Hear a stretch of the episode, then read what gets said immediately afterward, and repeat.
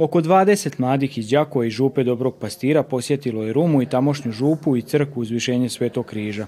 Svi oni su članovi zbora a Njihove predstavnice istaknule su da im je drago što su se upoznale sa bogatom povješću Sremske biskupije te da je ovo za njih bio prijateljski i drag posjet. Iznenadila sam se koliko ljudi zapravo ima i koliko ima i mladih i koliko ima mladih koji se bave glazbom i to me stvarno jako oduševilo i to mi je drago, mi je stvarno mi je drago i kažem jedva čekam da se opet vidimo, družimo, da vi dođete kod nas, mi opet da dođemo kod vas i tako da održavamo taj neki naš kontakt. Jer to je ono što crkva i jeste, da držimo nekakav zajednički kontakt i da se držimo u nekakvoj zajednici kao jedna obitelj kroz Krista. Nekakvi vaši dojmovi radi iz Roma? E, pa divno, onako jedno skučenije mjesto djeluje, ali e, toliko toplinu, toplinu pruža ljudima, tako da ljudi su isto divni, i dragi i stvarno uvijek su tu da pomognu. Na prvu baš jako lijep grad, onako e, ne znam, ljudi su baš ono pristupačni, dragi, onako vidi se da smo nas prihvatili sad ova misa kada smo ju otpjevali taj pljesak, onak baš, se vidi da, da i ova župa i ova crkva i ovi ljudi isto imaju srca kao i kod nas doma.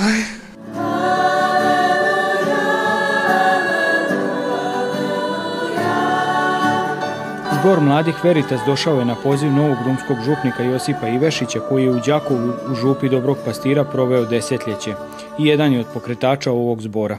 Ono što je važno naglasiti da smo, što sam i u misli rekao, braća i sestre svi, neovisno gdje živimo, pa čak i kojem narodu pripadamo, mi smo svi jedna e, Božja svojina, jedna crkva i mislim da je to jedna podrška i nama ovdje da ustrajemo i mi u svom trudu u radu, onome što se i ovdje u Rumi čini, a ima i ovdje, Bogu hvala, nešto i djece i mladih i obitelji. Vjerujem da će ovo biti još jedan poticaj za još zauzetiji rad u crkvi. Ovaj posjet dogodio se na radosti Rumljana i Đakovčana, a u obje župe se nadaju da je ovo samo početak suradnje i da će ovakvih posjeta biti i u budućnosti. Gledate paletu. Izbor iz emisija na jezicima nacionalnih zajednica.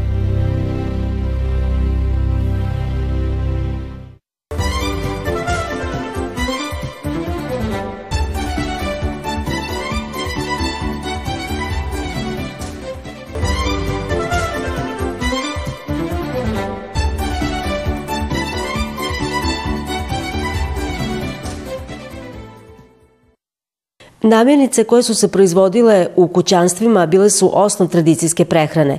Živjelo se siromašno, radilo teško, meso se kuhalo rijetko, ali su se zato kuhala jela sa dosta masti. Ishrana nam je bila izuzetno jako štura. E, brašno je to bilo jedino što smo jako imali, znači tisto, jer su naši stari većinom radili na risu u novrime, vrijeme to je jako svima našim Hrvatima u Vojvodini nepoznato šta je raditi na ris, ideš na devet ili deseti diovi kako se već pogodiš i brašna se prikupilo, a mesa je bilo onoliko koliko se moglo uzgojiti ili otraniti, što bi mi rekli. Tisto koje je uvijek bilo gledano da bude začinjeno sa masnoćom, odnosno svinskom masnjom, što je bila kod nas jako ovaj, svakodnevna, jer smo imali najviše, Gušća mast recimo je bilo izuzetno poznato. Naša mama je išla raditi, a i baka recimo na njivu kad ide raditi i onda kad su dolazili iz posla doma, onda su tek žene kuvale. Tako da smo mi večeru jeli u 8 sati, 9 sati, kad se namiri na stoka jel? i sve to. Pa jeli smo i kompira ljušaka, i nasuvo tista, pa preniri zanaca, pa onda kad nema se to kad onda i kruva u sose isto i tako, eto, to smo jeli šta se imalo. Stara tradicijska jela nisu danas dio redovite prehrane, ali nisu zaboravljena. Kuhaju se i danas. Radilo se ono što imalo doma. Krompira, luka, pešina, rasima, tista se kuvalo. Nije bilo, ne znam šta, puno, ali eto, to je onako, kako da kažem, paorski više. Ja sam iz paorske kuće, pa ja tako znam da je se materija kuvala kompire valjušaka, graška i valjuščića, pile na valjuščiće, ali pile je bilo kad je jesena, nema uvijek to. Ili prva guska se za Petrovo zaklala i tako, nije to bilo uvijek mesa. Bundivara, poderane gaće, ribi paprikaš neka su od starih sončevskih tradicijskih jela. Ti recepti, kao i druga tradicijska jela, dio su projekta Kuhar tradicijskih jela koji Hrvatska riječ realizira u potporu Središnjeg državnog ureda za Hrvate izvan Republike Hrvatske, a rezultat tog projekta bit će tiskanje kuhara.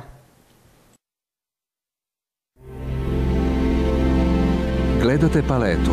Izbor iz emisija na jezicima nacionalnih zajednica.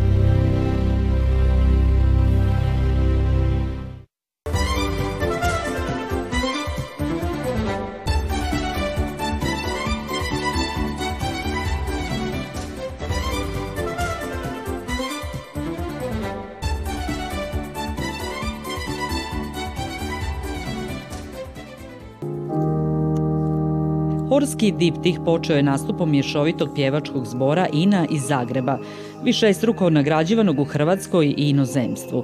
U prvom nastupu pred Petrovaradinskom publikom izveli su duhovne skladbe i obrade zabavno-glazbenih evergrina. A kako je uopće došlo do toga da nastupe u Petrovaradinu, objasnio nam je organizator koncerta. Saradnja je nastala tako što su oba večerašnja hora bili učesnici festivala, Međunarodnog festivala hora u Beogradu koji mi organizujemo već sedam godina unazad. Znači, hor iz Slovenije je bio 2018. hor iz Zagreba, hor Igna, pod rukovodstvom maestra Bojana Pogrmilovića je gostovao u Beogradu 2019. godine i od tada naša saradnja se razvija mešani pevski zbor kulturno-umjetničkog društva Štefan Romih Črešnjevec iz Slovenske Bistrice predstavio se šarolikim repertoarom, među kojima je bilo i dijelo Stevana Stojanovića Mokranjca Tebe pojem. Naš zbor je iz Slovenije. Mi se zovemo kulturno umjetničko društvo Štefan Romih Črešnjevec. To je jedno malo selo kod Slovenske Bistrice, a to je tako otprilike 25 km iz Maribora. Večeras izvodimo e, e, slovenske ljudske i umetne e, i još tako međunarodni repertoar. Idem kolu, makar ne igrala, tamburalo momče, Oro se vije kraj manastira još ne isiče rujna zora. Neke su od poznatih narodnih pjesama, čijim interpretiranjem je ponovno nastupio zbor Ina u pratnju Narodnog orkestra, folklornog asambla, mladost i samobora. Generalno na, na repertoaru orkestra se uglavnom nalazi folklor i Hrvatske, i Srbije, i Makedonije, dakle i mi standardno imamo takav repertoar, a u suradnji evo sa zborom je napravljen taj program folkloru u glazbi 3, gdje mi zapravo, ajmo reći, njih pratimo ovaj, u jednom takvom sličnom programu, dakle nalaze se na programu pjesme iz Hrvatske, i Srbije, i Makedonije, i dalje, eto, Balkana, pa i čak i, Rusije, i Ukrajine. Koncert je održan u suradnji sa Hrvatskim kulturno-prosvjetnim društvom Jelačić iz Petrova Radina.